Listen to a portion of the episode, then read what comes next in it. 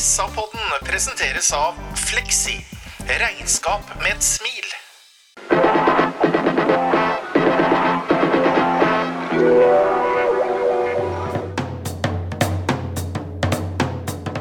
Sarpsborg Arbeiderblad gir deg en ny episode av SA-podden med Sven René Nygård, Øystein Weber, Petter Kalnes og Bjørn Inge Bingen Nilsen. Hei alle sammen, og hjertelig velkommen til den fjerde sesongen av SA-podden, Sarpsborg Arbeiderblads uh, fotballpodkast. Som dere har sett på Facebook, så har vi valgt å gå videre med uforandra mannskap. Kanskje utrolig nok, ut fra dere som hørte oss i fjor. Men her sitter i hvert fall uh, trioen Øystein Weberg, Sven René Nygård og Bjørn Inge Bingen Nilsen. Godt nyttår! Godt nyttår. Ja, godt nyttår. Øystein, ifølge Facebook så tok den forhandlingene mellom deg og dere og Sarpsborg Arbeiderblad 30 sekunder før de takka ja til å bli med videre. Ja da, altså øh, øh, Vi regna vel egentlig med at øh, dette her er jo egentlig en dreamteam. Så det var vel viktig å holde laget samla. Ellers har jeg en liten sånn gladnyhet til dem som hører på den i morgen. De kan si at i går så har dagen blitt én time lenger. Det er jo, Vi merker jo det alle sammen nå, at nå går vi mot en ny fotballsesong. Og nå syns jeg det er deilig å kjenne på at øh, nå er, nå er vi i gang igjen. Og som dere skjønner, så er eh, Øystein fortsatt et levende bevis på begrepet de grå hårs eh, kunnskap.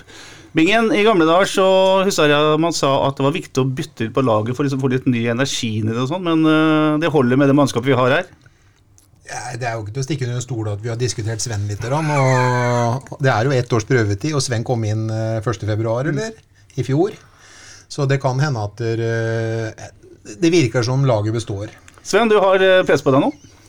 Nei, altså Hvis jeg ser rundt meg, så føler jeg ikke at det er noe særlig press. for å si det rett ut. Det er egentlig plankekjøring for min del. Det er bra. Jeg heter fortsatt Petter og er eh, vaktmester, eller hva det nå heter for noe. Vi har mye å snakke om. Dette blir en lang eh, pod. Vær forberedt på det, alle lyttere. Vi er i hvert fall hjertelig velkommen til en ny podkastsesong. Vi starter med det faktum, eh, Bingen, at eh, det ble Stefan Billborn fra vårt kjære naboland Sverige som er ny hovedtrener i Sarpsborg 08. Hva tenkte du når du hørte den nyheten? Uventa, aldri hørt om den. Eh, Det jeg har lest om den, har vært positivt. Eh, Ettersom jeg forsto på klubben, så var det flere inne i bildet, og eh, det var det helt sikkert òg. Noen eh, takka nei til å være kandidat for å ta over eh, 08, bl.a. KFM-treneren. Det gikk jo en del rykter om Christian Mikkelsen fra Kristiansund. Har en kone fra Råde, hvis ikke jeg tar helt feil. Ja, stemmer.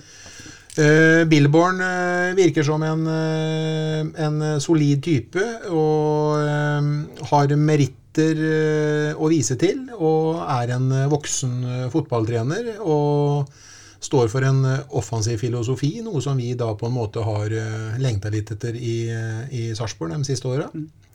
Så han i spann med Jokke Bjørklund, det, vi får se hva tiden viser. Ingen poeng er delt ut i mars måned, men vi gir dem selvfølgelig en mulighet, og så håper vi på at det lykkes. Det gjør vi absolutt. Og førsteinntrykket, som Biggen sier, Øystein, er jo veldig positivt. i hvert fall Sånn som jeg leser, og det lille jeg har snakka med dem òg. Det er positive folk. De snakker eh, om ikke store bokstaver, så i hvert fall med et språk som eh, det er lett å forstå. Og det handler om at her eh, skal man prøve å angripe.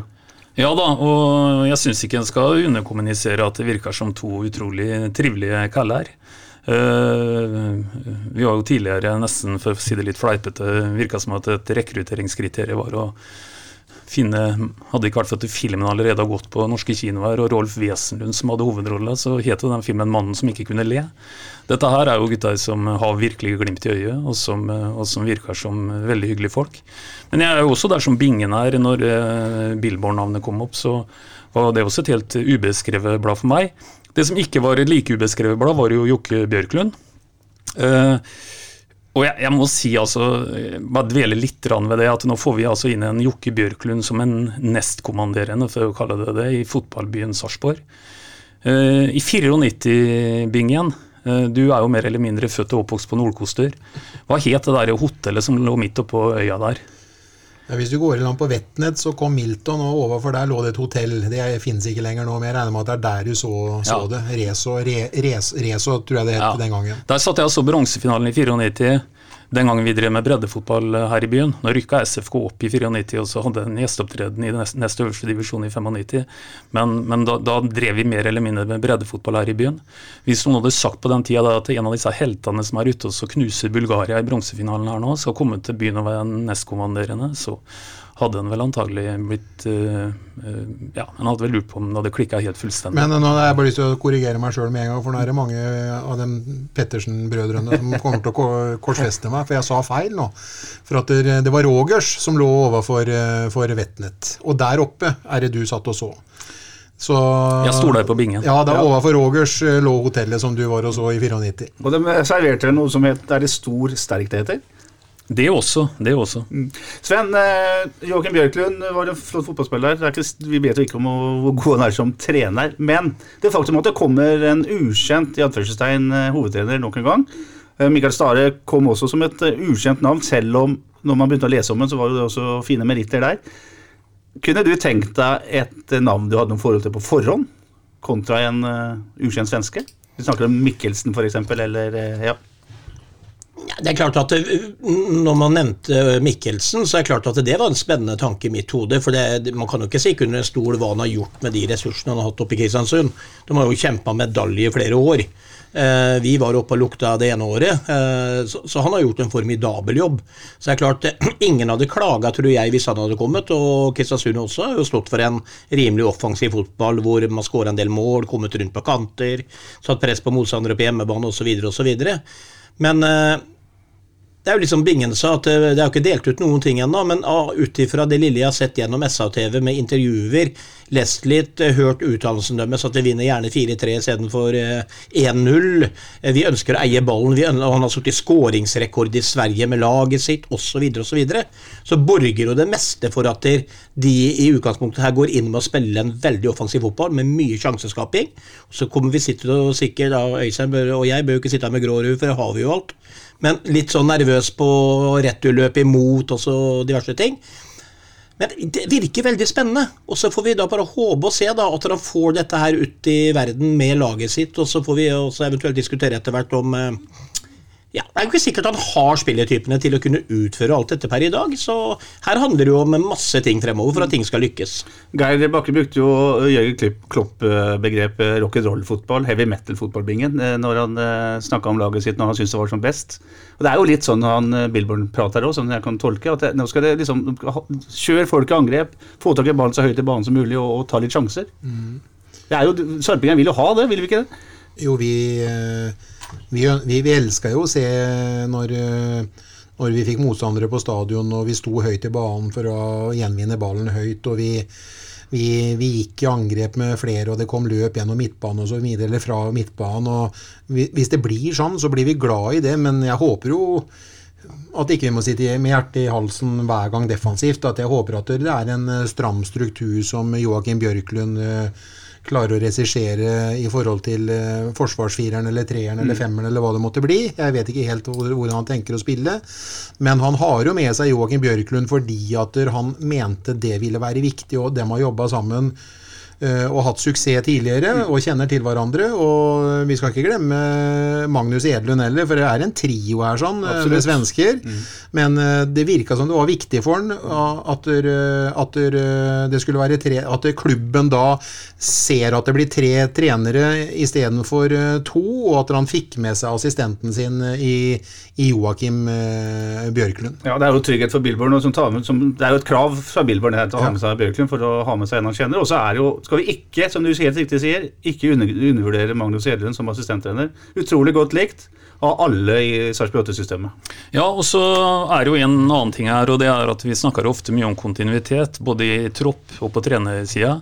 Men det er, noe, det er noe befriende også med å bytte trener, for eh, nå, nå har fotballen igjen fått en liten boost eh, gjennom det som har eh, kommet på plass nå etter, etter nyttår. Og så skal vi helle kaldt vann i alle mulige årer foreløpig. Eh, som Bingen helt riktig sier, det er ikke delt ut noen ting. og, og fotball er ferskvare, og, og, det er når vi setter i gang at vi Og vi kommer til å leve av resultater. Men det er, det er litt befriende ny, ny, ordbruk. Jeg la merke til Joakim Bjørklund i går, Petter, da du snakka med han nede på stadion. og han, du, du, spør han om hva som på en måte skal kjennetegne 08 i år, og en av de punktene han trekker fram, er at eh, vi skal våge å ta sjanser i, i 2022. Og så er det jo sånn, da, som Leif Olav Valnes, treneren til Karsten Warholm, sier, at uh, godt gjort er alltid bedre enn godt sagt. Så det gjenstår å gjøre det. Mm. Men det er jo en start, da. Mm. At en uttrykker at det her ønsker en å ta sjanser. For er det noe vi har etterlyst rundt det bordet her i et par år nå, så er det jo en mye større sjansetagning på, på motstanderens banehalvdel. Mm. Og det er jo egentlig ikke forbundet med så veldig mye risiko heller, da. Og Det er jo artig tema det du har der. for han er jo kjent for, Sven, eh, iallfall det jeg leser, og det Joakim Jonsson for eksempel, sier, snakker veldig mye om frispilling bakfra. Ha, derfor vil vi også ha inn stoppere og backer som er gode med ball. Eh, og så har vi snakka mye om det, Øystein. Eh, den unødvendige sjansetakinga på egen banehalvdel. At, at, vi spiller på markedet til folk og får, spiller på et trøbbel. Den balansegangen er interessant. igjen. Det å ta risiko, men ta risiko på rette steder av banen. Ja, og det er, det er, man jo på en måte helt avhengig av. At man på en måte ikke spiller opp en eh, feilvendt mann eh, som sistemann i et midtbaneledd, f.eks., mm. hvor det kommer en hel midtbane imot deg. Eh, spill i hvert fall gjennom et ledd, og la heller det neste midtbanespillet ta opp en litt overfor der igjen. Mm. Eh, og Da kommer du i tillegg høyere i banen. Og det er klart at Hvis det blir såpass offensiv fotball da, som han eh, Billborn og de andre nå annonserer, så vil vi jo nødvendigvis sannsynligvis stå høyt i banen med mye fotballspillere. Og vi vil komme mange inn i boks, og det vil være mange i avslutningsøyeblikker. Og Det vil jo si at vi kan bli sårbare for eh, overganger imot. Og Da blir det jo også ekstra viktig, da, kanskje i dagens moderne fotball, kant eller backer eh, Kanskje én av dem to, hvis vi spiller med fire bak, har vært med i angrepet. Da har vi bare én igjen. Så har du kanskje to stoppere, tre mann igjen. Jeg husker Bjørn Drillesand, han trente vår, så han sa det at eh, hadde du fire forsvarsspillere og en defensiv midtbane, så kunne resten av laget bare ligge opp og luse, for det, det, bør de klare. ikke sant? Men da er det det med å få hurtige midtstoppere eksempel, som holder høy kvalitet. Sier ikke at det, for De skal jo ha nye midtstoppere. Ha folk som kan løpe opp overganger og diverse. Det er jo masse ting som spiller inn her. Og balansen til Billborn i det laget her, det, jeg vet ikke hvordan han tenker der. Jeg har ikke sett han, eh, hans lag spille fotball under hans trenerkarriere før osv. Men her er det masse ting som skal på plass. Det er spillelogistikken som passer til det systemet hans. Og det er at de er gode nok, de som er utpå der. og Hvis det kommer til mange sjanser, sånne enkle ting som å ha en mann som scorer på bestilling, da. Altså det er jo ikke, altså Vi har snakka om Kone, og han er het på markedet osv. Det slår meg i den siste halvdelen av sesongen, etter at han uh, skåra de fire nede mot Sandefjord og begynte å spille for Mali, så jeg syns det har vært dødt. Mm. Veldig dødt. Han har kommet til lite sjanser. Han skårer for Mali, men han skårer på de straffesparka. Så det, det, Han er liksom ikke den målgarantisten som vi trodde han skulle bli når han, når han kom opp i ti mål. Mm. Så det er vi jo avhengig av. altså det, det, er så mye som skal spille inn for at Billboard også skal lykkes, tenker jeg. Helt klart. Og som dere skjønner, lyttere, så er det fortsatt sånn at uh, det å ha noe strategi eller noe regi på denne sendinga er helt umulig. For Kone skulle vi jo prate om etterpå, Sven. ikke sant? Ja, ja, men han kan vi prate mer om. herlig. Fotball er for øvrig herlig. Her sitter vi også etter at uh, Stefan Billboard har vært uh, på gresset på Sarpsborg stadion to ganger, og vi preker som rakkeren om uh, hvordan skal bli sesongen som kommer. Jo, men dette er jo fotball, Petter. Ja. Det er jo dette som er fotball, og det er jo det som er så det er, det er, det som er eh, Nå, nå håper jeg jo at det teamet som er på plass nå på trenersida, har en uh, rimelig lang horisont og, og, skal være en del år i, i Sarp. Uh, og så får vi bare være glad for at, uh, at det, det, gir den boosten i, i nuet, det som har skjedd uh, akkurat nå. Med alle mulige forbehold som vi har vært innom. Absolutt. Men, men, men, jeg har lyst til å si at jeg, jeg tror det er veldig deilig for oss supportere av 08 å høre to offensive nye trenere prate offensivt, mm. enn at det skal komme to stykker som skal Ja, vi får gjøre oss kjent med spilletroppen, og så får vi se hva vi klarer å eh, komplettere troppen med av kvaliteter, og så får vi ta det derifra, og så får vi se eh, hvor vi For det tar tid å kjøre inn et spillesystem i en ny tropp, og spillerne skal bli kjent med hverandre. og vi får se åssen vi ligger an mm. til sommeren, mm. og vi får ta det her som en mellomsesong. Ja. Liksom sånn, det er dritkjedelig mm. å mm. høre på. Derfor blir jeg jo, selv om det skulle feiles, så blir jeg jo mye mer det booster meg mye bedre å høre eh, en Billborn og en Bjørklund eh, prate laget og visjonene sine og vyene sine opp enn at de skal kjøre det ned, altså. Helt enig. Er helt enig, Bingen. Og så er det en annen ting også, som de har vært befriende og ikke vært inne på så langt. Og, og for, for, for, det som jeg syns er mest avslørende når, når, det ofte kommer inn nye trenerfigurer, det er at en snakker som om en skal finne opp kruttet fullstendig på nytt igjen. Og sånn er jo ikke verden. Det er jo ikke sånn at alt en har gjort tidligere er å kaste på skrothaugen, og alt en skal gjøre fra nå må være helt annerledes. Ledere som uttrykker seg sånn, det de, de, de er ledere som har en del eh, usikkerhet. Det er en eller annen form for noe selvforsvar som ligger i, i det. Det er justeringer vi snakker om du, i forhold til uh, å, å, kunne, kunne da i noe større grad ta f.eks. offensive sjanser enn det vi har sett de siste par åra osv. Så, videre. så det syns jeg er veldig bra, at de snakker opp den troppen de, de, de har. De, de, de, har ikke fokus på at eh, Men de må skjønner jo selvsagt at det her må det komme også inn noe friskt blod, men, men det, er ikke, det, er ikke, der en starter å prosedere saken sin. Nei, og så er det tross alt en åttendeplass som skal ut og forsvare for hvis vi snakker om vi skal forsvare fjoråret. Men Sven, vi brukte mye tid i fjor eh, da det begynte å bli, eller da det var klart at, at skulle bort, så snakka vi om hva slags trenertype skal de hente i form av filosofi. Vi brukte Bodø-Glimt som eksempel gang på gang på gang. på gang, med 4-3-3 og alt det greiene der. Vi vet, vi vet hva de skal spille. Nå sa jo Berntsen at vi henter en trener, og så tar vi på en måte og bestemmer oss hvordan vi skal spille deretter, for å si det litt enkelt. Og Det som skjer nå, er at det kommer inn en mann som primært har spilt 4-3-3. Er veldig opptatt av å ha tre forward, som han sier, da, tre spisser. Og at han alltid har brukt en firevekstlinje. Det betyr jo at eksperimentet med tre bak, som Stare fikk i fanget, og som Bohinen fullførte, blir skrota. Hva tenker du om Kaller du det ving, at, at, man vingler litt her, Sven? Eller er det som Øystein sier, bare justeringer dette her òg? Jeg kan jo ikke si man vingler, fordi at uh, å spille 4-4-2 eller 4-2-3-1 eller 4-3-3, det, er jo et, uh, det er jo et veldig mye brukt system uansett, så det er jo ikke noe hokus pokus i det. Og det er klart at når man henter en fotballtrener som primært har spilt et system med firer bak, så vil jeg jo ganske sikkert tro at det er helt naturlig at han fortsetter med det. For det, det er de gode på. Og Bjørklund han uh, når han spilte fotball, så fantes ikke noe annet enn fire. Det var faktisk etter gode gamle Sviperen Odderud. Så, så, ja, ja, ja, fire, dette. Ja, ja. Så, så, så det, her er de vant til, så det blir helt sikkert Jeg syns ikke det er å vingle, men uh, jeg tror vel kanskje også at man uh, har sett en del usikkerhet og en del diskusjoner. Det har jo ikke vært noe glansbilde med tre bak og fem bak og sånne ting heller, med, med 08. Det, så jeg tror egentlig de hadde bestemt seg for det, og de kommer til å gå for den fireren bak. og Det blir veldig spennende, for vi bare se hvordan formasjonen blir framover. Ja, det var tydelig at de, har, at de går vekk fra trebackslinja, i og med at de gir Billborn jobben, rett og slett.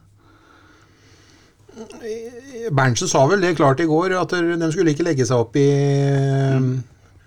om det ble fire eller tre bak. Så tydeligvis så er i hvert fall eh, overordna direktivene til Billborn at han egentlig gjør som han vil. og Det er vel naturlig å tro at han spiller med en firer bak. og Det kan også hende det som Sven sier, at det er hvis at eh, Joakim Bjørklund skal være hans eh, defensive alibi, så er det han som skal drille, drille det defensive. og Da vil jeg tro at han skal drille en firer. Mm.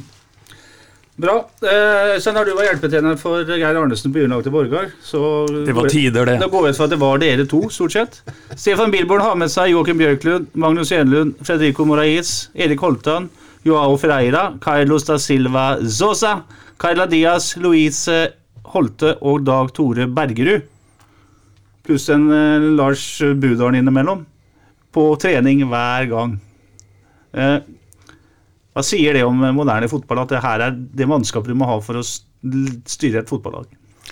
Nei, Dere var jo litt inne på det i sendinga i går òg. Det er jo mer malen det her enn unntaket. Eh, det har vi jo sett eh, i alle store klubber Altså, du husker jo når Høgmo tok over landslaget, hadde jo et helt hoff med seg osv. Jeg Jeg tenker mer det at dere tenkte deg for en kapasitet og utviklingspotensial som Vebern og Geir Arnesen kunne hatt hvis dem hadde hatt det apparatet rundt seg. Ja. De juniorene hadde jo ikke bare vunnet KM, de hadde jo vunnet Den, den bingen, han tenker mye, bra- mye rart, han. Nei da, eh, jeg tror helt seriøst du, den kan, En kan sikkert lett lage noen morsomheter av det. At, eh, at eh, det var jo i fjor så hyra jo Sarpsborg inn en, en dødballtrener, og da var det noen på sosiale medier som lurte på hvor har det blitt av innkasttreneren og, så videre. Men, men dette her er nok en sånn en pakke rundt et lag som, eh, som eh, er eh, sånn det ser ut i moderne fotball. Og de har jo helt klart definerte forskjellige roller. Noe her går jo på restitusjon, kosthold. og Det var jo interessant da, du spurte han som skal være hovedansvarlig for fysisk trening i går. Og jeg har aldri sett en som har gjort et I hvert fall ikke noe, engang noe forsøk på å gjøre seg til fotballekspert. For det var noe helt- tydelig på at eh, det, var det fysiologiske han, eh, som var hans eh, fagfelt. Så, så de har jo helt klart definerte forskjellige roller, så jeg tror at dette her kommer til å fungere ok. Det er fire mann nå i den gjengen her, Sven, som er fra fotballandet Portugal. Uh, inkludert da toppspillutvikler Borhaug, som har vært der. Det er vel tredje sesongen han er her, tror jeg, jeg husker på i farta. Interessant med at du får eh, på en måte noen impulser utenfra. Ja, selvfølgelig er det det. Og så tenker jeg det at eh, når man kommer fra landet Portugal, som går og Norge utapå ti ganger fotballmessig, og enkeltspillere og alt på én gang, og som jeg forsto, så var jo noen av disse hadde jo erfaring fra bl.a. Porto, og det, det var vel et annet skole. FC København. FC København. Og det er klart at dere, når, sånne, når sånne personer eh, får jobber og jobber i disse klubbene her, det er klubber som vi ser opp til, og som vi hadde jubla 100 og 100 ganger på og møtt i en europacupkamp på Sarpsborg stadion. Så det er klart at de har noe å fare med. Og det er på tide med nye ideer i norsk fotball generelt, det har vi jo snakka om. Det er, eh, vi, vi graver oss ned i samme grøfta, og dagens moderne fotball har blitt sånn at du skal ha folk nesten på alle plasser. Eh, Du skal ha det fysiologiske kosthold, som du sier. Man tar tester på ditten, man analyser, man har på seg ting på kroppen som ser hvilke løp man tar i løpet av en kamp. Eh, Han må skjerpe seg på den defensive løpet, han, kommer for, han stenger for sjelden av sida si, og masse, masse, masse ting. Så det, Fotball har jo blitt på en måte sånn analystisk verktøy det på, på masse ting. Så, og, og der tror jeg vi Der tror jeg 08 ligger bra og langt framme i norsk målestokk. Og det tror jeg også er en av grunnene til at vi, vi også kan komme på et høyt, høyt nivå etter hvert. Ja, så gir du jo på en måte stikkordet, Petter. Du snakker om at det her er impulser utenfra. Og jeg må jo si, da, som en sånn en headline på det, er det noe norsk fotball trenger, så må det jo være impulser utenfra. Altså, Vi er jo ikke på noen måte en fotballstormakt. Så det å få inn eh, folk fra, som har sett fotball på helt annen hylle og, og jobba i helt andre land enn her, det, det må det gå an å tenke at en skal trekke positive veksler på. Og dette er folk som er seriøse. En liten intern eh, historie allerede, som sikkert ikke er farlig å gå ut med, er at eh, en av disse, eller han eh, Ferreira, som er sjefen, kom hit en kveld. Eh, dagen etterpå så var han på jobb på stadion. Det var tre skada spillere. Vanligvis så møtes de tre skadde spillerne samtidig og har et felles opplegg. Her var det to timer med den ene, to timer med andre, to timer med tredje. Så her er det, som Espen Engebretsen sa til meg i går, det er ikke noe særlig lurt å være skada i år, for da får du virkelig kjørt deg. Så det er er interessant. Og så har vi jo sagt til Bingen at de skal bli blant de best trente igjen. Og da må de jo trene. Og det er eh, det, det 08 gjør nå Nå setter de jo dem som kommer, de vet arbeidsoppgavene sine. Og at det er så stort nettverk rundt eh, det fysiske og ernæring og det som har med, med kropp for å få dem tilbake på bane å gjøre. eh, Det er jo, det er jo, det er jo ganske. Det er jo enestående det nå i forhold til hva de gjør.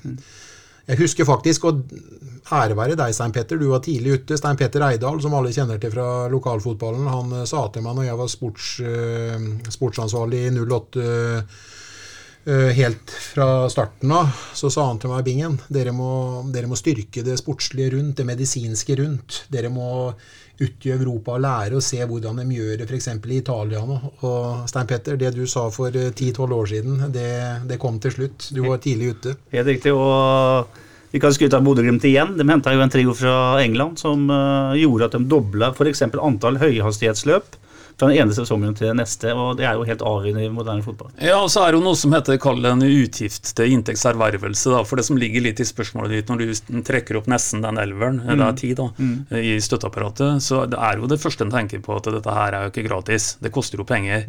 Men jaggu koster det penger å ha en Vetti, en Molins, og vi kan gå gjennom eh, de siste åras eh, skadehistorikk. Det koster mye penger, det òg. Så, så hvis de som har kommet inn nå, kan, kan løfte kan du si, den der skadeforebyggende biten, da, eh, et lite knep det har ikke vært noen av den som har vært der før heller. Så det er ikke sånn her heller at en, eh, en finner opp kruttet, fullstendig på nytt. Det koster jo ikke bare penger, Øystein, det koster poeng òg. Ja, ja. Og, de, Ja, ja. og de poengene er mye penger. Ja, ja, absolutt. Så, Så, derfor så, så igjen, eh, hvis det blir sånn at, eh, at eh, en greier å få det godt gjort, og ikke bare godt sagt, så, så kan dette være gode investeringer. Bra.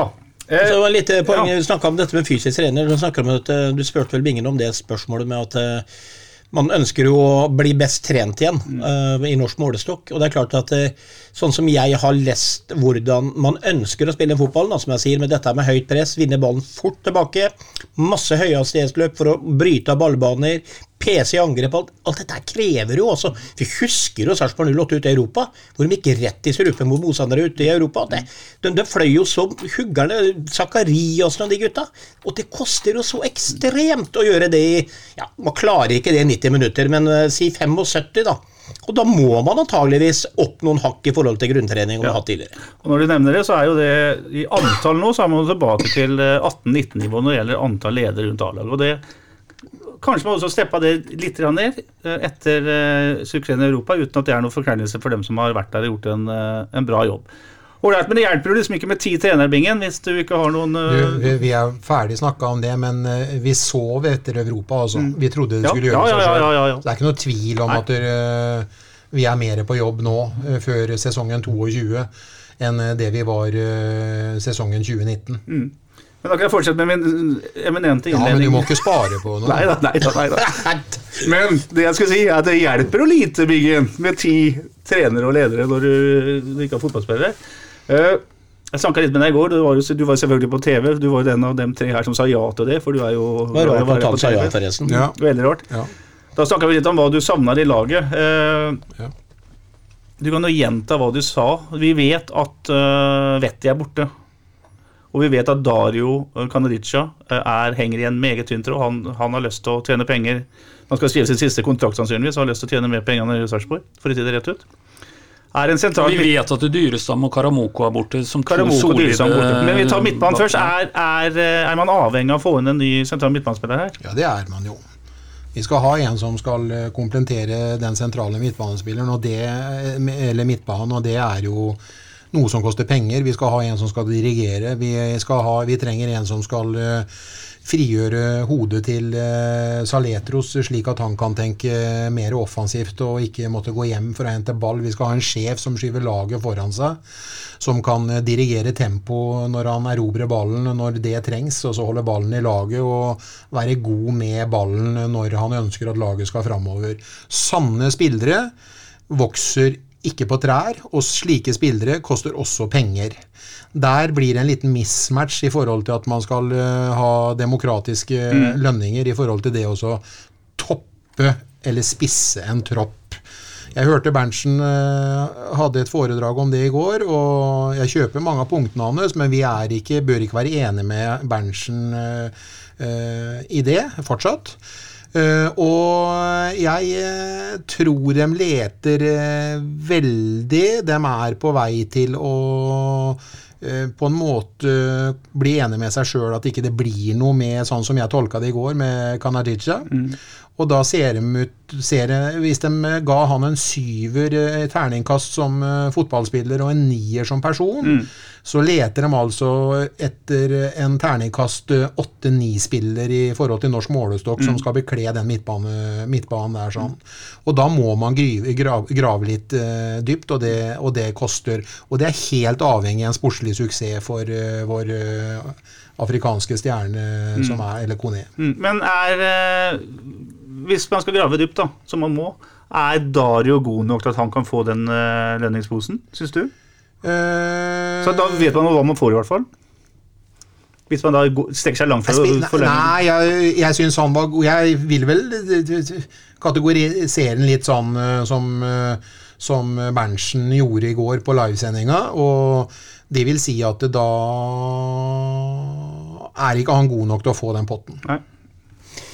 Nei da, og det, det, jeg digger jo Dario, og det, det er jeg enig med, men jeg, jeg syns jo vi har mangla, og vi mangler en spilletype da, som eh, kan komme til å koste mye penger, uten tvil. Eh, men jeg tenker at det Jeg hørte også Berntsen sa noe om dette her med rettferdighetgjøring av lønner osv. osv. Jeg syns ikke man skal tenke sånn veldig veldig på det. altså De gutta som er i klubben, ta Joakim Thomassen, Magnar Ødegård og dem som har sin lønningspose.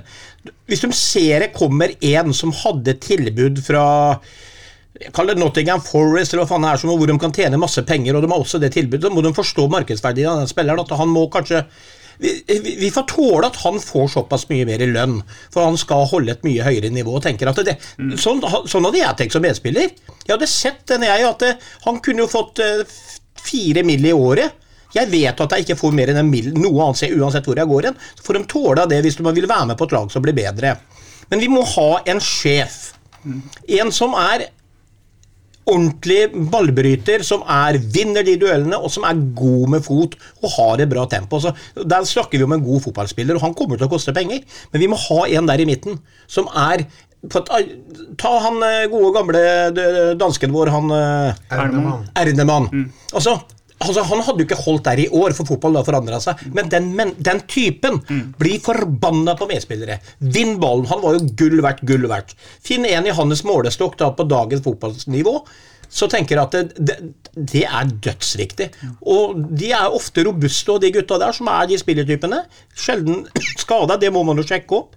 Så ikke henter en som har skadehistorikk. Men få den der sjefen som er sterk, som er full av faen, som er god til alt i tillegg. Han blir dyr, men hvis Kone går for 40 mill., så må vi nå begynne å se framover og si vi skal bli bedre i Sarpsborg 08. Da bruker vi en pott av det der, og så trykker vi laget framover. Det er lenge siden eh, Det er mange av lytterne som ikke husker Casey Wehrmann, men en Casey Wehrmann-type da, som uh, eide den midtbanen for Fredrikstad den gangen de hadde suksess, som gjorde det samme i Lillestrøm. En sann en type som driver laget forover. Det er det vi trenger. Som tar den der dirty taklingen. Som uh, setter fram brystkassa og forteller hvem som eier den midtbanen. Det skal vi gjøre for å komplettere det, det med Saletros og en Maigård som tripper foran der og får løpa foran ballfører osv.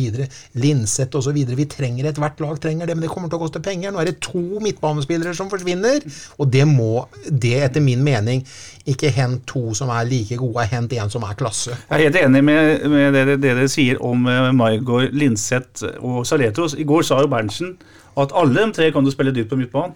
Men vi vil jo ha dem høyere i banen, ikke sant? for de skal, de skal være offensive. Og så tenker jeg at, ja, så tenker jeg at Saletros han er god nok i mange roller i et spillestil som eh, Billborn ville ha. Linseth vil, han- Jeg har på en følelse at han vil være hånd i hanske i et sånt system som Billborn vil ha. For han vil ha folk som går som faen på løp og alt dette her. Og vi vet jo hva han gjorde på alle de her dype løpa sine. Og Maigård går uten ball. Ja, og Maigård. Eh, Men, men vi, har, vi har jo ikke en midtbanespiller vi som eh, noen går ut og kvier seg for å møte. Altså Den nærmeste som vi trodde kunne bli den duellvinneren, det var jo Nicolay Næss. Men, men det, det funka ikke helt, det heller. Så vi må nesten ha inn en sjef. Enig Casey Wereman-type. Han, Bingens, han, han eide midtbanen, og hvis han ikke eide midtbanen, så fikk de spillerne rundt han beskjed om å delta i den krigen her, for vi skal eie den midtbanen. Og det er liksom den der mentaliteten. Og de, de spillerne de koster penger, de. Men som jeg sier, vi må jo forvalte noe av de pengene vi får. Vi kan ikke bare bygge ny tribune. Jeg har sagt det før. Skylde publikummet. Jo, men vi skylder publikummet for å se et fotballag som blir bedre og bedre og bedre, og da må vi bruke litt penger der sånn på den veien. Jeg er redd for. Vi kan, vi kan ikke for alltid være sånn i Sarpsborg 08 at Per og Pål blir misunnelige på Arne og, og Stig som tjente mer. Det er min personlige mening. ja, ja, men Øystein, jeg spør deg om den. Eh, Det, det Berntsen sier jo, at han er redd for Hvis, hvis de ansetter han Per, da, for, og han får 2,5 millioner for å spille en sesong der, så er det kanskje en eller annen i, i klubben som tjener 900 000. Og så skal han på 900 000 han skal reforhandle forhandle- eh, kontrakta si. Så har han gjort fire mål, han der som koster 2,5 har gjort fem mål. Så sier han Pål at faen, er jeg verdt 900 000, og han har verdt 2,5 millioner. Det er ikke uproblematisk det der i en i en arbeidsgruppe? Nei, men det er ikke veldig problematisk heller. Og jeg tror ikke noe på det Berntsen sier, egentlig. Jeg tror at Berntsen tegner opp kartet litt i forhold til sånn bildet ser ut. Jeg tror at hvis de, vi har lagt 600 000-800 000 mer på bordet enn eh, øvrige lønninger på én, toppa det med det, hadde visst at der fikk vi tak i den, den, den vi var ute etter, så hadde det vært helt uproblematisk. Jeg tror utfordringen er mye mer, som vi har vært inne på noen ganger før, at det er ikke åpenbart hvor du skal hente dette her, uansett om du høyner den lista. Men akkurat det resonnementet med at pga. at jeg får en halv million mer enn deg, Petter, så har du et bedre forhandlingskort neste gang du skal på en måte forhandle lønn. Den kjøper jeg ikke sånn uten videre. Det, finnes ikke én mm, bedrift her i byen som ikke har differensierte lønner. Dette er folk eh, vant til. Jeg er vant til det fra min arbeidsgiver. Veldig mange folk tjener mye mer penger enn meg, uten at eh, jeg ser på det som noe urettferdig i det hele tatt. Mm. For det har litt med roller og sånn å gjøre. Og når vi snakker om det vi snakker om her, at uh, vi henter noe som vi kanskje ser at vi er i kamp med uh, andre svenske eliteserielag, eller vi må måle oss mot noe sånt, da, eller kanskje andre norske topplag. Da skjønner alle at vi må strekke oss litt ekstra for å få til det.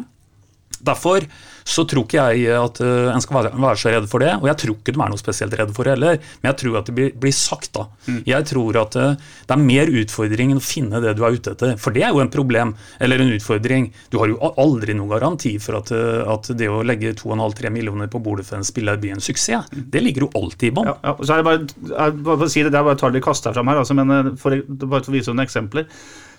Ja, for det, det, handler jo, som jeg sier, at det, det eksempelet du kom med, altså, han skåra flere mål, eh, og han andre tjente mer enn meg i fjor. og sånn. Alt handler jo uansett om etterspørsel. Altså, Noen fotballspillere er populære, klubber må konkurrere om å få dem. Og han som skåra tre eller fire mål mer det året, er ikke sikkert etterspørselen er stor etter han. Og, og, så, sånn er det jo bare. altså Verden er sånn. Og det handler om spilletyper, det er mentale ting. Det er ikke bare hva han, mange mål man skårer, men, men, rett og slett, de som andre klubber vil ha, de koster mer. Og de som ikke er ettertrakta, de kan heller ikke forlange å få høy lønn. Og der gjorde jo Berntsen noe Og det kan du jo se på ligninga. Eh, det var jo forskjell på lønna til han eh, som spilte 20 minutter fra Kroatia, som skulle være den typen. Mm. Han lette jo etter den typen og fant den typen. Vi fikk jo aldri se han på banen. Hva het han for noe? Mate Malers. Mate Malers, ja. Det var forskjell på lønna hans, så jeg på ligninga på han og Joakim Linseth.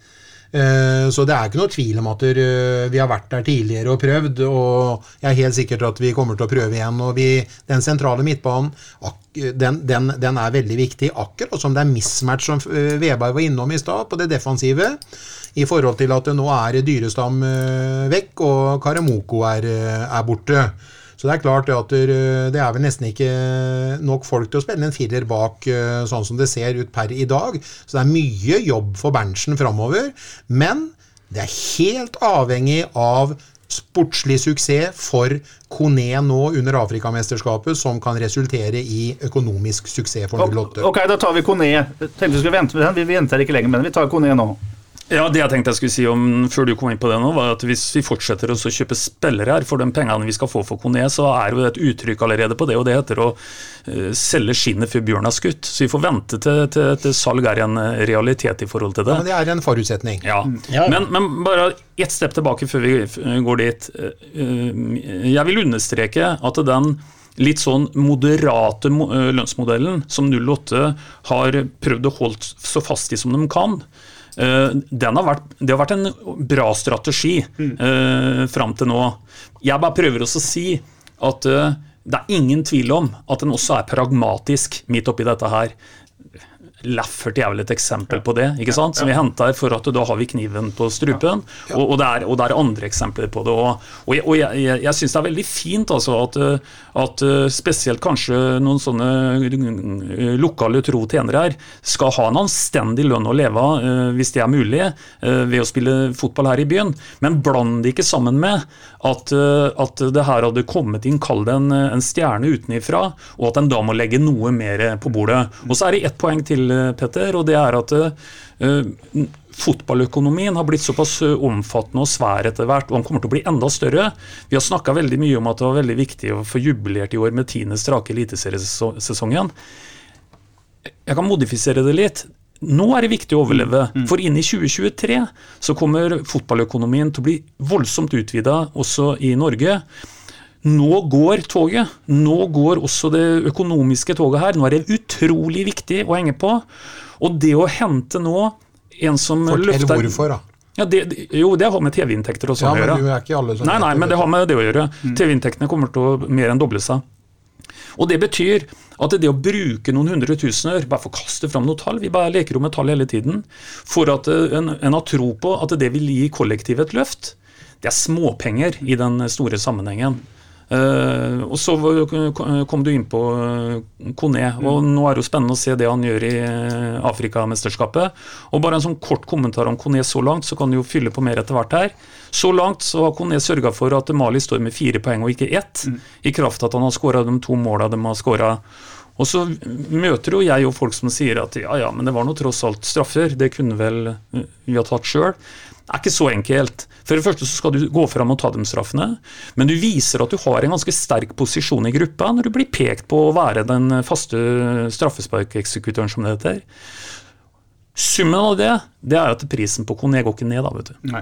Jeg skal bare fortelle at TV 2 har jo inngått en ny medieavtale med norsk fotball som gjør at TV 2 tar over Eliteserien og førstedivisjon igjen fra 23-sesongen. Den uh, Prislappen på den, eh, det kjøpet der var over to milliarder kroner, hvis ikke jeg husker helt eh, gærent. Og det er vel eh, nesten en, eh, om ikke det er en dobling av det som inneveiende eh, avtale kosta. Det betyr at det blir mye penger på klubbene. Og det betyr at TV 2 kommer til å lage et eh, skikkelig produkt til neste år som kommer til å være eh, sannsynligvis det fineste vi har sett i norsk fotball eh, noensinne. Sven, det sies at Sarpsborg 8 har takka nei til 30 millioner på Kone. Hadde du vært, hadde du vært Bingen, da, som er Sarpsborgs byens eh, store sportssjef, hadde du hatt is i magen nok til å vente helt til dette Afrikamesterskapet er over, før du takka ja til en klubb? Ja, det tror jeg hadde gjort. Og jeg er ikke sikker på om eh, Afrikamesterskapet er over før de eh, blir sikre heller. Hvem vet? Også FC Lorient, Lorient det er vel dem som blant annet har, eh, som jeg har forstått. Og det er en fotballklubb altså, som ligger på kvalikplass nå i Frankrike. Og når vi snakker om store penger i norsk fotball, så det å rykke ned fra Ligue 1 i, i Frankrike Jeg vet ikke hva det innebærer, men du kan sikkert tidoble de summene.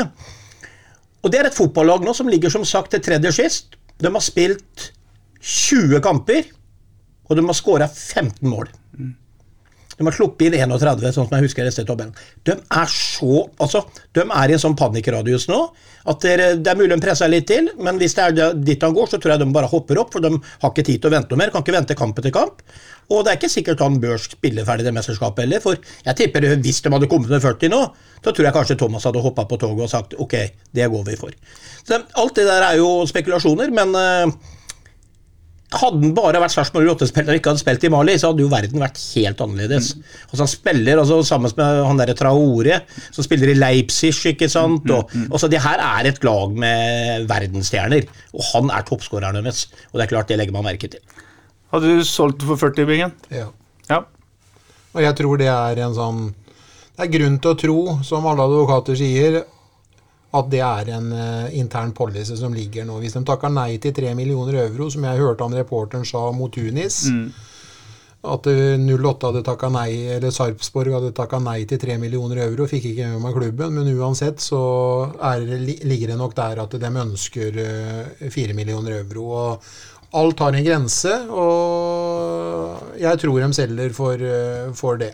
Ryktene sier jo at eh, det ligger et eh, enda større bud på bordet. Det står iallfall i fransk media, men det får vi ta for det det er. Og så vet vi at eh, Haugesund Øystein, skal ha sin videresalgsklausul et sted mellom 10 og 15 eh, sannsynligvis. Ålreit. Vi sier at uh, Kone eh, blir solgt. Vi tar det som en forutsetning for videre diskusjoner. Og vi så i går at eh, Molins kom inn. Rundt det bordet her så er det tre som er veldig veldig glad i å begeistre for Molins. Og så har du vært litt skeptisk, Bingen. Eh, du slo ikke stiften i går heller, men du ser hvilken nytte man kan få av han. Ja, eh, men jeg, eh, jeg må bare være ærlig mot meg sjøl at jeg har sett den for lite på banen til å kunne slå stiften, da. Men jeg ser kvaliteten hans i sekvenser, og jeg vet at han har vært en eh, meget god spiller. Og jeg håper nå at det portugisiske Eller jeg, nå, nå ligger ansvaret egentlig på portugiserne for å få holde han på banen. Og jeg skal si det at det har vært en suksess hvis en spiller 20 av 30 fra start. Da har det vært en suksess for meg. Hvis en klarer å bidra såpass at en er på banen og gjør seg fortjent til en plass i 20 kamper på rad og er på banen, eller ikke på rad, men 20 av 30 kamper, da skal jeg være enig med dere at han, han, han har vært en suksess, og at det har vært en god signering. Men han må spille to tredjedeler av matchene, syns du? Være involvert, i hvert fall. Ja. Ja. Eh, Øystein, eh, eh, det Berntsen sier i går, er at Gisje Molins vil gjerne være i Sarpsborg. Han syns Sarpsborg er en kul klubb å være i. Eh, sannsynligvis så har han eh, god nok økonomi til at han kan ta sånne valg. Han har kort vei hjem til familien i, i Malmö osv. Og, så videre. og han klarer nå tydeligvis også å se bort fra dette kunstgresset som han er litt opptatt av. Fjær i hatten for klubben, syns du? Ja, og samtidig så tror ikke jeg at det betyr at han er så ekstremt dyr. Nei. Jeg tror at det er en avtale de har fått landa sånn innafor det som er 08-s kalde rimelige grenser. Og- så jeg er egentlig villig til å senke det, det kravet til Bingen litt. Det, det er jo helt avhengig av leveransen når han først er på banen. da. Men igjen, i forhold til hvor viktig det blir nå også, også være med videre, og, og dette her med at økonomien kommer bare til å bli større, så, så vil jeg gå så langt som å si at det ville vært en suksess hvis, hvis uh, Molins hadde vært med i 10 av 30 kamper, ja, hvis han var dominant når han var med og satt sitt preg på kampene. For det kan være forskjellen på flere plasseringer på, på tabellen. Hva får du i en sånn type? Altså? Nei, altså Jeg håper og tror at jeg kan og har sett såpass mye fotball at det lille jeg har sett når han har spilt og Da er vi tilbake når han har spilt, så er det en klasse, klasse, klassespiller. Og hvis han spiller tidlig 15 fra start og har noen innhopp, så vil eh, vi få en god sesong. Det kan jeg nesten love supporterne. For så god er Molins. Og han bør ikke være en enslig spiss, han kan være et lite bindeledd. Han kan eh, i et høyt trykk i banen hvor ma- ballen går fort Han, han, ser, han tar jo bilder, han, og så bare flikker han gjennom eh, medspillerne sine. Og så snakka jeg med en i støtteapparatet, bør ikke si hvem det er, men eh, før en kamp hvor eh, Molins var tilbake. Og han sa det at der, han hadde en sterk følelse at det skjedde noe med hele garderoben. Bare mannen kommer inn døra, så hever han de andre huene. Han har en, en attitude, han har en vinnervilje, han har en autoritet som gjør noe med mennesker rundt deg, og det skal du ikke undervurdere. Og jeg vet jo sjøl, jeg som pedagog ute på banen, at det, det du sier og gjør til medspillerne Jeg har spilt sammen med fotballspillere hvor den ene kunne jeg sparket i ræva, så ble han bedre. Og den andre måtte jeg stryke på nakkehåra, så ble han god. Og så, og så bare dette mentale spillet med å ha han til stede, det tror jeg er Og det tror jeg vel Berntsen sa i går òg. Og han eh, Nei, vet du hva, spiller han 15 fra start og har noen innhopp, så blir det mye mål og eh, pass på, på Molins. Da får jeg være fornøyd med 17. da, Bingen, så er vi sånn et uh, middelpunkt her. Men For øvrig så var jo det der med at, uh, hvordan han tok garderoben, det er jo nesten som når Bingen kommer inn i podrommet Ja, her. ja, ja. Vi, vi, vi Han tar podrommet. Han tar vi sitter her og så, så, så, logger igjen sånne Ja, litt ærefrykt, Ja, ja, faktisk, ja. kjenner jeg på når Bingen sitter og over bordet her. Men vi, tar, eh, vi forutsetter fortsatt at eh, Bolins blir solgt. Da er spissbesetninga Molins Nei, unnskyld, Kone blir solgt. Da er eh, spissbesetninga per nå um, nevnte Molins, eh, Kristian Fardal Opseth, Kamara, som jeg ikke husker navnet på på direktesendinga i går, og Steffen Lie Skålevik, som er tilbake på, fra utlandet utlov utlån i Sogndal. Må vi ha inn en spiss, eller må dem ha inn en spiss, Bingen? Ja, i forhold til eh, Kamara, Fardal og Molins og Skålevik. Så, og Skålevik, så er vi jo helt overbevist om at eh, vi skal ha inn en som, eh, som eh, dem eh, som skal heve Vi skal ha inn en som skal heve spisskvaliteten. Det er jo helt overbevist om at de tenker jo sånn. Mm, Ja. Og det sa Berntsen i går, at det kommer en såkalt nummer én-spiss inn som Ja, skal ja, ja, ja. lage målet. Ja, Det ja, er vi enige om alle sammen. Ja, Ja, og det vil jo være fornuftig, for vi, snakker om Molins sin skadehistorikk, og vi har jo sett at en Fardal, som også har runda 30 år, selvsagt eh, kan være skadeutsatt. Og, og vi har jo eh, dessverre da, eh, sett at Skålevik eh, ikke har levert voldsomt i, i Sarpsborg. Får håpe det kan eh, snu. Så det at eh, en her eh, helst bør få inn en eh, nummer én eh, Altså en veldig sånn eh, stabil, eh, stabil eh, bra spiss, det hadde jo vært helt perfekt, det. Og Ja, også en goalgetter, ikke Ja. sant? Fordi at for det, hvis det viser seg at dere man skal spille type fotball da man produserer mye målsjanser, Eh, Billborn hadde da rekorden i Sverige. Det betyr at det er sjanser på løpende bånd, eller mye, mye mye sjanser. Og det å få den der da, som ikke sklir av panna og eh, sklir av beinet Den som setter den ballen, da! Ser sånn som Botheim har holdt på oppi der sånn. Kommer jo som et ubeskrevet blad, for så vidt. da. Men eh, Spiller på et lag som skaper mye sjanser, men så treffes ikke vet du, med hue og bein. Finne en sånn en.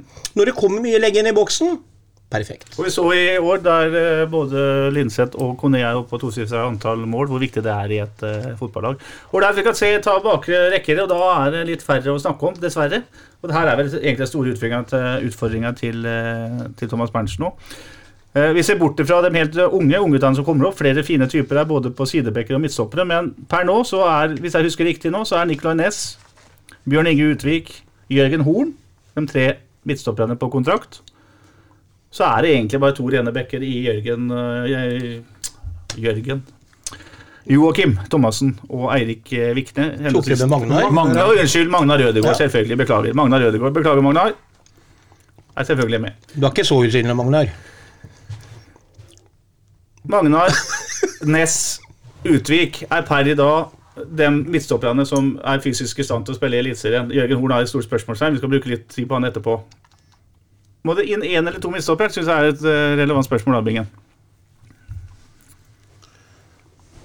Ja, nå har du fire, og en av dem har en uh, voldsom skadehistorikk. Og så Uh, Så er det et stort talent han Nylander, eller Og så er det nummer to av dem. Han ble egentlig ikke funnet god nok, eller hvordan Stare tenkte, Ja. vet jeg ikke, men han ble i hvert fall skjøvet fram på midtbanen Mens, ja. for å finne plass til den der, og så mista han plassen der òg. Mm. Så han eh, er jo ikke den vi skal eh, Altså, ja, det må inn en til der, sånn, men det er jo ikke tvil om at eh, Magnar Altså, de sikre korta der, eh, Mm. som jeg ser Magnar og Utvik, er de to sikre kort, korta.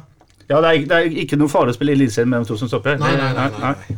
Men du må selvfølgelig ha backup. Og så er det jo mangelvarer på kantene her, da. Uh, der Thomassen og Vikne kanskje er de eneste rene bekkene. Her må det også inn folk.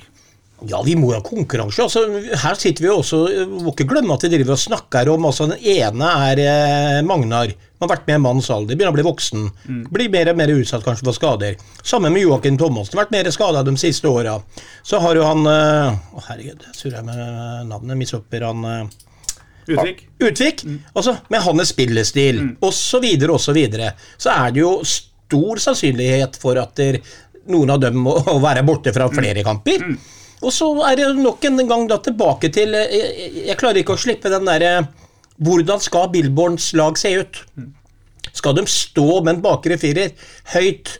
Eh, små eh, lagdeler, eller eh, plass mellom lagdelene for å sette et knallpress på motstandere på stadion? Skal vi stå opp mot midtbanestreken, og så kommer bakgrunnsløpa? Kanskje vi må ha enda hurtigere midtstoppere? Én i hvert fall. Som kan løpe opp de tingene når vi står så høyt. For det vil jo bli mye bakrom, f.eks. Det er jo masse ting å diskutere her. Det, og, og Der kommer jo Billborn og det nye trenerapparatet og Bjørklund inn. Han vet jo hva de skal prøve på. Og så må se på spilletyper i forhold til de forutsetningene, tenker jeg. Det er ikke sånn at alle fotballspillere passer inn i alle systemer. Det, det er jo å tro på julenissen, for sånn er det ikke. Ja, men der er jo i hvert fall Vi har jo én med internasjonalt snitt, og det er riktig som du sier. Kanskje vi skal eh, ikke bare ha en svillende stopper, men vi skal også ha en stopper med tempo. For vi snakker jo om viktene som har eh, det tempoet som skal til for å bekle den moderne fotballen og bekle den høyrebekkplassen. da. Eh, og så kan man godt si at Magnar òg skal være en backup, men jeg syns det hadde vært veldig hyggelig om en trener hadde rendyrka enten Magnar som stopper eller som back en gang, så ikke han skal må vingle vingle mellom to posisjoner. Det er fint at du er allsidig, men la han få lov til å få, få ro på seg og tro på seg til å spille enten der eller der. Det håper jeg Billeborn gjør med Magnar, hvis han velger å spille med Magnar. da. Og så er det sånn eh, som eh, Vi snakker om to sånn oppofrende spilletyper, da, som eh, Utvik og som Jørgen Horn. Selv om vi skal komme tilbake til Jørgen Horn, så kan godt de spille 15 kamper hver for min del. Ja, hvis de ja. bringer den kvaliteten med oppofrelse inn, i- Ja, ja, ja. inn i laget hver gang de er på banen. Ja, men uh, tempoet i midtstopperleddet er jo et kjempegodt uh, poeng, og det, det kan jo Berntsen ta med seg som et råd. Ja, og så har han vel også vært tydelig på at han skal ha inn to, det det. Berntsen Han har sagt sagt det, han har bak der. Ja. Da skal jeg gi et bilde på noe som skjer 13.12. i 2018. Da sitter jeg i eh, Hasselt i, i Belgia og får et bilde på telefonen min av eh, en fyr som sitter i et eh, flysete på vei til Brussel. Det er en fyr som jeg ser er helt innhula i øya og blek, men han smiler og tar tommelen opp. Det er Jørgen Horn. Han er altså sjuk. Er ikke med laget ned som reiser ned tre dager før. Vi reiser vel ned på mandag, tenker jeg. Kampen gikk på torsdag. Kanskje tirsdag til torsdag. Uh, du har Øystein, ikke Yes. sant? Bingen kanskje òg? Nei. Jørgen Horn kommer ned, biter tenna sammen, spiller eh, 70 minutter mot eh, topp motstand og ofrer sokkene sine. Altså. Det der er en helt utrolig prestasjon. Det er sånn som jeg, det, nå kjenner jeg at jeg blir nesten rørt når jeg snakker om det. I går kommer Magnus Edun opp til oss uh, før sending og sier i dag er det en ny mann på trening. Sånn, ja, hva er det for noe, sier jeg liksom. Jørgen Horn. Og han er, han, Magnus er helt i hundre. Han har vel knapt sett ham spille fotball, men han er helt i hundre over at Jørgen Horn er tilbake. Det er en eh, helt spesiell fyr, Øystein. Ja, det er eh, ikke noe tvil om. Han har laga noe helt spesielt. Jeg blir nesten litt sånn delt ja, når vi snakker om uh, Jørgen Horn. For det, det er noe med, med, med fødselsattest og sånn som må inn i bildet her òg. Han blir 35 år til sommeren. Han er født i juni 87. Eh, og, og gutten skal ha et liv etter fotballen. Her har det vært mye tøffe, harde skader å komme tilbake fra. Eh, jeg får helt vondt i maven bare å tenke på at han eh, tar sjansen på å få et år til ute om å bygge seg opp fra scratchen eller noe sånt. Så den ligger der, den òg. Men det er ingen tvil om at, eh, at Jørgen Horn har laga noe helt, helt spesielt. Men det må være en ren bonus, tenker jeg, hvis han, hvis han greier å komme tilbake enda en gang. Og det er nesten sånn at jeg Det er nesten et understatement å sagt 'jeg skjønner hva du gjør', hvis han hadde lagt opp. Ja.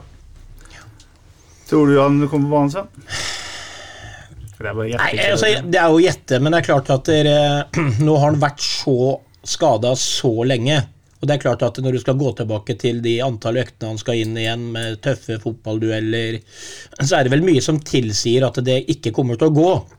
Men han Altså, Jeg liker ikke å si at jeg har hatt eh, å si noen fotballidoler oppi hodet mitt. Jeg er gammel kall, men jeg har vel aldri elska å se noen spille fotball mer enn Jørgen Horn.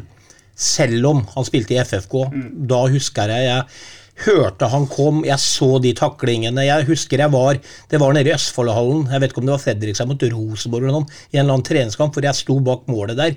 Hvor han kom bakfra i en duell. altså jeg sto tre meter unna, og det var liksom sånn Det var, det var, det var sånn dødsforakt over hele callen.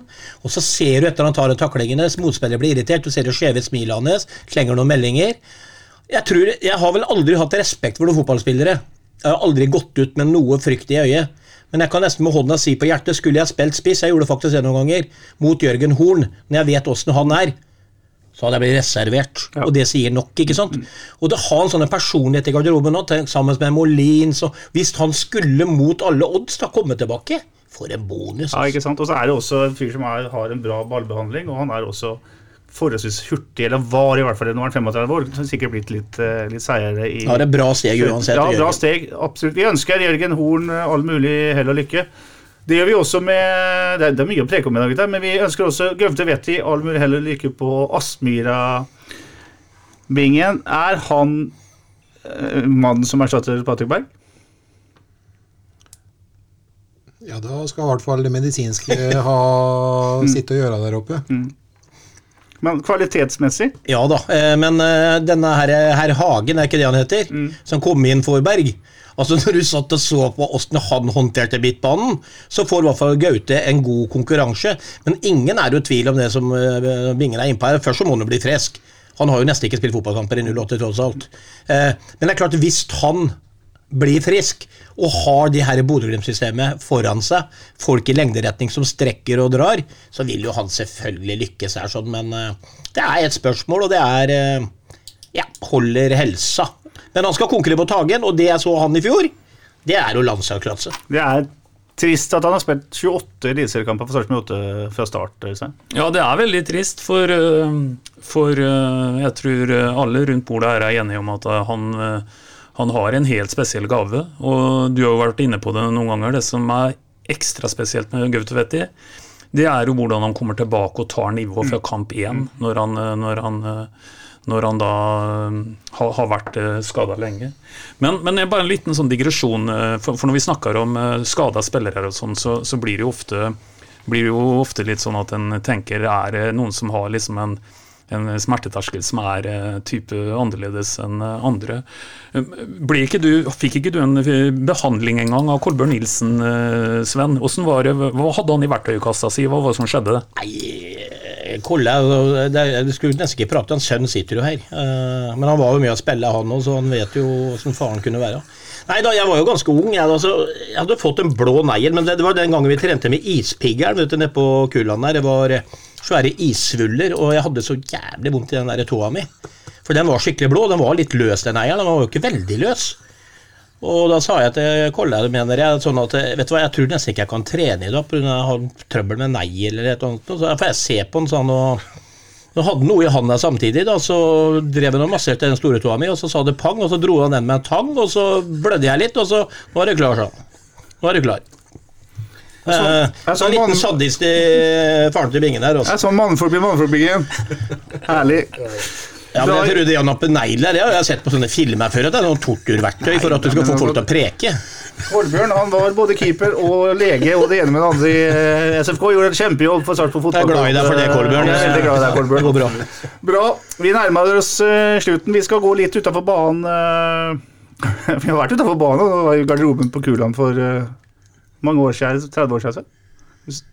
Ja, det, blir gammel, vet du. 35 år siden. Men tida går så jækla fort. Ja, gjør det, er det så mye, ja? Det er jo 35. Er det 35? Du, du blir 57 år nå, vet du. Ja, Vet du datoen, da? Ja, Det er vel nå i slutten av januar, vel? Ja, Si eksakt dato. Nei, nei, kom igjen, vi kjører 29. 25. så vet dere det der ute. Vi flytter oss, vi flytter oss til uh, Klokkesvingen, Øystein. Uh, og snakk fra Espen Engebretsen om at man vil ha nok et, utbygg, et, et, nok et ledd i utbyggingen av Sarpsborg stadion. Uh, man vil ha butikk til Proso, man vil ha leiligheter. Uh, rett og slett en, ny satsing. Det er ikke akkurat bremsepedalen som, som tråkkes inn her av avtroppende daglig leder? Nei da, absolutt ikke. Jeg er jo imponert med hvilken glød og entusiasme Espen snakker. Han er på kall det siste del av oppsigelsen her. Og det, det syns jeg er uh, han til ære, altså. Virkelig. Når det gjelder akkurat det prosjektet der, så syns jeg det ser veldig kult ut. Og hvis det er riktig de der kostnadsestimatene som blir lagt fram osv., så, videre, så tror jeg dette er noe de kommer til å regne hjem sju dager i uka. Eh, de snakker om å få noen hybler til, til noen uh, unggutter her, f.eks. Mm. Det er jo bokostnader som de må betale masse for rundt omkring i byen uh, ellers. De snakker om å få et næringsareal til, til Proso. Og, og, er det en som kan dette her med å gile på de riktige inntektene og finne ut hvor mye du kan investere her, så heter det han Bjørge Øyestad. Han jobber jo med dette her mm. til daglig. Mm. Så dette har helt sikkert han eh, Bjørge sagt, at dette, dette regner vi hjem. Og, og, ikke minst så blir dette her en kul eh, stadionsak ytterligere. Da blir jo det hjørnet der helt eh, lokka, sånn som tegningene viser. Og da har vi jo på en måte, da har vi jo en eh, komplett stadion, vil jeg si, til Solbyen. Og det hender at det blåser derfra, for å si det mildt. Ja, og da har vi jo også ordna med det. Og det syns jeg må være helt uh, naturlig at man når man har tatt det steget og, og sikrer seg proso, at man gjør noe mer ut av det. Ja, så tror jeg det er bra bruk av Det tror jeg er, er godt investerte midler. Og det er, det er veldig sånn framtidsstempel på det som en eh, gjør der. Så altså, Fotballspillet kommer og går, trenere kommer og går. Men det er også å ruste opp den stadion sånn som man har gjort her eh, gjennom nå de siste 10-15 åra, og da kanskje komplettere det nå med det siste byggetrinnet der, da, da får en bare ta av seg hatten for det.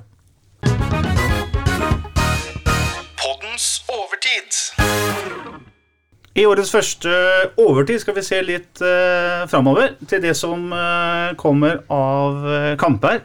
Eh, Sarpsborg 08s første treningskamp det er 30.1 i Norrköping mot det svenske topplaget Norrköping. Stabilt topplag på øvre halvdel. Eh, den kampen håper vi i SATV å få sendt. Per nå så er ikke det avklart. Eller så er det reiser til Marbella tidlig i februar med kamper mot Krasnodar, mot Hekken og mot Lokomotiv Moskva. Heftig motstand. 19. Eh, februar. Fredrikstad hjemme på stadion, eller i Østerdalen. Sannsynligvis på stadion hvis det er vært til det. Usikkert med, med motstander 23. Eh, februar, men det er en ny kamp mot KFUM uka deretter. Og så, 13. mars, er det fjerde runde cup mot Åsane i Bergen. Vi skal bruke, dvele litt med det, Sven. Eh, En sesongoppkjøring i Norge er jo kjent for å være verdens lengste. De holder på tre-fire måneder før man Iallfall tre måneder før man spiller seriekamp. Nå kommer det en viktig kamp allerede tidlig i mars. I mars. Betyr det mye for hvordan man legger opp vintertreninga, tror du? Nei, jeg tror ikke det betyr mye. Det tror jeg ikke. Det er kanskje litt eh, rett i forkant av kampen, en uke eller sånt i forkant. De stoler vel såpass på egne kvaliteter at de er et eliteserielag som, eh, som er spennende, og du skal jo møte tross alt et Obos-ligalag, da. Eh, Så de, de, må jo, de, de må jo legge opp treninga etter seriespillet, tenker jeg, og ikke etter den kampen. Men at de finjusterer en del, det vil de jo helt sikkert gjøre. Men samtidig så er det viktig med en eh, god cup. sånn. En, byen hadde jo trengt en cupfinale 1. mai. Ja, og det, her skjer jo ting veldig fort. For det er vel ikke du var jo så vidt inne på det i går, det er vel ikke bare at den helga 12.-13. mars eh, en spiller og blir åttendelsfinale. En spiller vel en kvartfinale bare en uke etter. Ja, 19. og 20. Ja, Så allerede når vi kommer til, til kvelden den, den 20. mars, så kan vi være klare for semifinalen i den norske cupen. Og det er klart det vil jo gi hele fotballprosjektet en boost, det. Absolutt. Nå har vi vært i finaler i 15 og 17, og det er vel ingen som glemmer åssen det er. Nei. Bra, da vet vi jo ikke hva som skjer eh, i akkurat den helga der. 27. mars er generalprøve mot Lillesøm. Lillestrøm. Den går enten på stadion eller på Åråsen. Sannsynligvis på Åråsen hvis det er eh, gress, eller forhold til å spille på gress, eh, tipper jeg. Og så, Øystein, eh, så er det en tøff inngang på seriesesongen. Eh, man åpner mot et eh, Viking som jo spilte en eh, fryktelig fin fotball i, i fjor. Ja da, men det, det, jeg vet ikke hva som ikke ville vært en, en tøff åpning. Her er det å hoppe rett i det. Og vi må ha ambisjoner om at når vi kommer til den serieåpninga, så skal vi være favoritter mot Viking hjemme. Men vi har jo respekt for Viking, de har gjort det bra de siste åra. Men litt sånn overordna, Petter, så jeg har sett litt på serierunda, bare for å ta det òg. Nå syns jeg egentlig at, at seriespillet foregår litt mer nå blir det ikke fullt så mye vinteridrett ut av det som det har vært Nå har vi jo vært gjennom to koronasesonger, og de har jo vært sånn koronakomprimerte. Men går vi tilbake igjen til 18 og 19, da, for å ta de siste kalde normale sesongene, så har gjerne sesongene vært fordelt utover både 35 og 36 og 37 uker. I år er det 32 uker. Vi, vi starter i uke 13, og vi avslutter i uke 45. Uh, og bare for å ta det siste først. Uh, det er altså en avslutning som ligger fire uker tidligere enn hva det ble avslutta nå 12.12. 13.11. er siste serierunde mm. i 2022. Det tror jeg er en fordel. Uh, det er noe med at det er klart, er det nerve i det, så, så, så, så vil det være, være, spenning uansett. Men, men, det at vi både slipper å kanskje åpne i seks kuldegrader og avslutte i ti, det ser jeg på som en fordel. Mm. Det kan jo dette skyldes kanskje at det er dette berømmelige VM i, i, i Qatar i, i desember, måte, men jeg er enig med deg, det her høres mer ut som noe man bør fortsette med, uavhengig av mesterskap. Ja, og så er det noe med at vi, er jo fotballinteresserte, og da er vi ikke så kjempeinteresserte i lange dødperioder. Og den serien som kommer nå, inneholder nesten ingen dødperioder i det hele tatt. Som jeg sier, så er det 30 serierunder på 32 uker. Uh, alle skjønner at det blir omtrent en snittrunde i uka, og innimellom der skal det jo også være noe cupspill og osv. Og, og det er jo i hvert fall en landslagspause inni der. Så, så det kommer til å gå jevnt og trutt. Viking hjemme, KBK borte, Rosenborg hjemme, Bingen. Jeg, jeg, mener fortsatt det er en tøff start. Ja, men uh, skal ikke se bort ifra at uh, de kanskje kommer litt i hverdagen i Stavanger og Kristiansund heller. Uh, jeg gleder meg til å se Viking komme til Sarpsborg stadion i første kampen i år, og har ikke noe frykt for det. Jeg tror det laget her som jeg gleder meg til å se fortsettelse på hva man kan erverve av spillere. Og jeg tror det kan bli en fin åpning på de tre første kampene i forhold til poengsanking. Bra. Har vi foregrepet veldig begivenhetens gang her, for dette her er lenge til, gutter. Men uh, Sven, du vil si noe? Ja, nei, ja litt, det, det, med Viking det har allerede en veldig god følelse, at den tar vi. Vi starter med tre poeng hjemme. Ja. Skal vi ta resultatet nå, eller litt tidlig? Nei, det er noe for meg som tilsier at Viking hjemme, den kommer vi til å ta. Og så, så snakker man om tøff start, og så er jo, før i tida så sa vi jo bestandig sånn at det, det å møte den beste laga tidlig var det beste du kunne gjøre, mm. før de virkelig kom på skinner. Eh, Så hvor bedre altså Rekdal får enda mindre tid til å forme laget sitt eh, den eh, tredje seriekampen enn i den 17., ikke sant, osv. Så, så det er Så, jeg, jeg, så, så brøt vi den barrieren med KBK nå, da, som vi ikke har klart før. Så jeg syns den der er litt spennende. At vi slår Viking hjemme i første kamp, så er jo det litt sånn, begynner folk å prate litt om effekt og Nei da, jeg tror vi har ni poeng etter de tre første. Det er bra. Hva er det sier for noe? Ju- Julenissen er julenissens optimistnummer, eller? Ja, det må være noe i den gata Ja, og så kommer jo cupfinalen fort der, og 1. mai òg. Det er eh, mye som skjer. eh, Absolutt. Ja. Ja. Og vi har allerede booka Scotsman på Nei, vi tar Burns til en sånn live Bjørn, podkast Burns, jeg har Burns. bestilt ferie. Ja. Bra. Dette har vært en lang podkast. Vi er tilbake med en ny en vi etter Norrköping-kampen. Eh, Det betyr at den publiseres den 31. januar. Inntil det så skal vi følge med på treningbingen. Og dere to andre skal følge med Skal på jobben. Dere er på jobben, så dere får følge med så godt dere kan. Noe mer å si? Nei, jeg tror det meste er sagt, Det, Vi gleder oss over at det er i gang, kan vi si. Ja, også, oss. også det positiviteten da med det, altså, men Dere har vært innpå det, det er alle tre. Jeg så, ikke, jeg så ikke trening, jeg så ikke alt av sendinga går, Petter. Men han Hedlund der og de to andre også den, også, De er gutter, altså. Du mener Magnus Edlund, eller?